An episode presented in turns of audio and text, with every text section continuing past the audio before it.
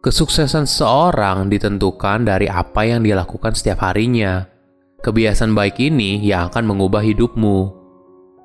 Halo semuanya, nama saya Michael. Selamat datang di channel saya, Sikutu Buku. Kali ini saya tidak membahas buku, tapi membahas soal kebiasaan dan rutinitas dari Bill Gates, orang terkaya nomor 2 di dunia. Sebelum kita mulai, buat kalian yang mau support channel ini agar terus berkarya, Caranya gampang banget. Kalian cukup klik subscribe dan nyalakan loncengnya. Dukungan kalian membantu banget supaya kita bisa rutin posting dan bersama-sama belajar di channel ini. Kalian penasaran gak sih apa yang dilakukan orang terkaya nomor 2 di dunia setiap harinya? Apakah ada rahasia di balik kebiasaan dan pola pikirnya sehingga dia bisa jadi sukses seperti sekarang? Oke, saya akan menuliskan beberapa kebiasaan dari Bill yang bisa kamu praktekkan ke dalam hidupmu, dan juga bagaimana pola pikir serta mindset yang dia punya. Pertama, menjadi pelajar seumur hidup. Bill tidak pernah berhenti belajar. Walaupun dia drop out saat kuliah di Harvard, Bill tidak pernah berhenti belajar. Dia suka mengambil kelas perkuliahan yang dia suka setiap saat Bahkan kebiasaan itu dia teruskan hingga sekarang. Selain itu, Bill terkenal sebagai miliarder yang suka membaca buku.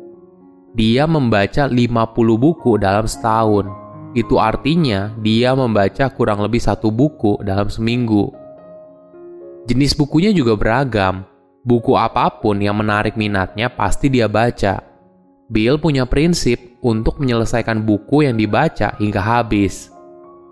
Setiap tahunnya, Bill juga rutin untuk mempublikasikan daftar judul buku favoritnya. Ternyata, kebiasaan membacanya dimulai sejak kecil. Ketika Bill berada di kelas 5, dia sangat senang membaca novel fiksi ilmiah dan ensiklopedia. Bahkan, orang tuanya sampai membuat aturan, tidak boleh membaca buku saat makan malam. Ketika beranjak dewasa, buku yang dibaca Bill beragam, namun lebih banyak buku non-fiksi. Bagi Bill, membaca bukan hanya untuk menambah pengetahuan, tapi juga sebagai refleksi diri. Bukan cuma membaca, dia juga rutin membuat catatan dari apa yang dia baca. Dengan begitu, Bill akan lebih mudah memahami buku yang dia baca. Bagi dia, setiap buku yang dibacanya selalu mengajarkan dia suatu hal yang baru atau membantu dia untuk melihat suatu hal dengan cara yang berbeda. Terus, gimana sih dia bisa rutin membaca buku? Ternyata setiap malam Bill mengalokasikan satu jam khusus untuk membaca buku. Dengan begitu, dia bisa fokus dan memahami buku yang dia baca dengan lebih baik. Belajar bukan hanya dari buku. Setiap hari ketika Bill berolahraga di atas treadmill, dia juga sambil menonton film dokumenter atau video edukasi. Nah, mungkin kamu juga bisa mempraktekkan ini kamu bisa nonton video animasi dari YouTube Sikutu Buku. Kedua, hidup yang lebih seimbang. Kebiasaan ini tidak dimulai ketika dia masih muda, tapi sekarang Bill sangat menganjurkan kita untuk tidur 7 hingga 8 jam sehari. Di awal karirnya saat membangun Microsoft, dia punya pemikiran yang sangat berbeda soal tidur. Bill terbiasa untuk begadang, Kadang beberapa hari dengan waktu tidur yang sangat singkat demi menyelesaikan sebuah proyek atau deadline. Dia sadar kalau kebiasaan kurang tidurnya pada saat itu membuat Bill tidak bekerja secara optimal. Tapi karena dia sangat gila kerja, Bill merasa kalau tidur lama itu hanya untuk pemalas. Sekarang, walaupun usianya sudah lebih dari 60 tahun, Bill merasa tidur yang cukup membuat kualitas hidupnya lebih baik. Dia menjadi lebih kreatif dan lebih bahagia setelah tidur yang cukup.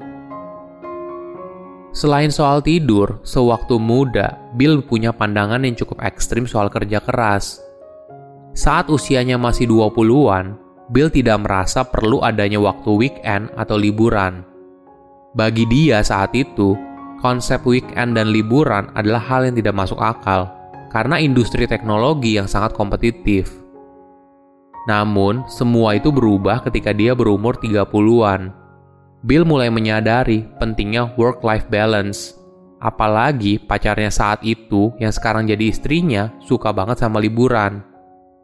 Jadi itulah yang membuat dia jadi suka pergi liburan. Ditambah lagi ketika dia sudah berkeluarga, tentu saja hidup bukan hanya soal pekerjaan, tapi juga soal menghabiskan waktu bersama orang yang dicintai. Hal inilah yang dulu ketika muda dia lupakan. Bill mengakui ini merupakan salah satu kesalahan manajemen yang dia lakukan saat itu. Hingga akhirnya, kesalahan ini yang membuat Microsoft kalah dengan Google yang mampu menciptakan Android. Banyak karyawan Microsoft yang burn out dan tidak bisa bekerja secara optimal. Sedangkan budaya kerja di Google sangat jauh berbeda.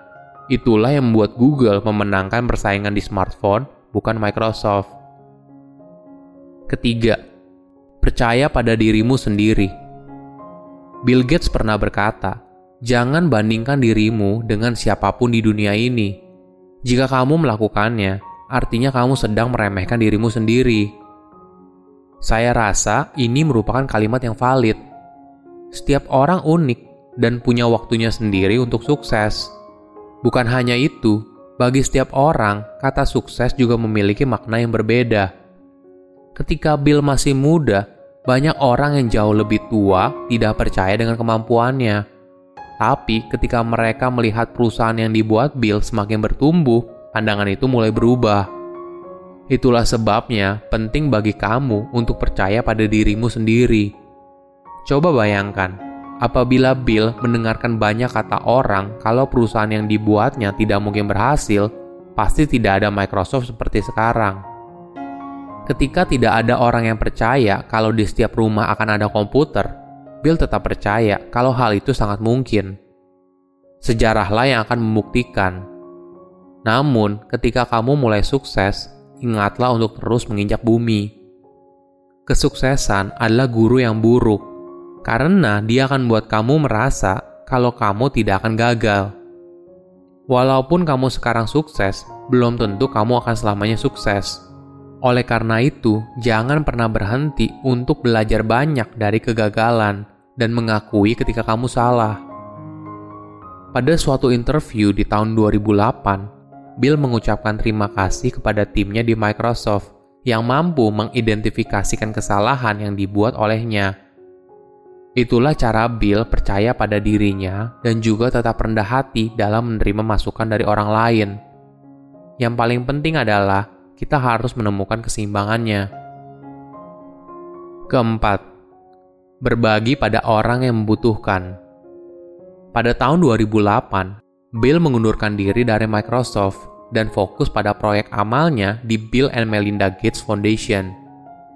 Selain itu, sejak tahun 1994, Bill telah mendonasikan lebih dari 50 miliar dolar dan setiap tahun secara konsisten rutin mendonasikan uangnya. Dia merasa ini merupakan bagian dari tanggung jawab untuk berkontribusi pada masyarakat, bukan hanya untuk dunia saat ini, tapi juga untuk generasi yang akan datang. Ketimpangan dunia mengetuk hati Bill untuk bergerak. Saat itu, dia dan istrinya membaca sebuah artikel kalau jutaan anak-anak di negara miskin meninggal karena penyakit yang sebenarnya bisa disembuhkan di negara berkembang penyakit seperti cacar, malaria, pneumonia, hepatitis B, dan penyakit kuning. Kenyataan ini yang mengubah Bill dan menjadi alasan kenapa yayasan yang dia dirikan bersama Melinda fokus untuk meningkatkan kesehatan dunia dan pendidikan. Silahkan komen di kolom komentar pelajaran apa yang kalian dapat ketika tahu informasi ini. Selain itu, komen juga mau tahu informasi apa lagi yang saya review di video berikutnya.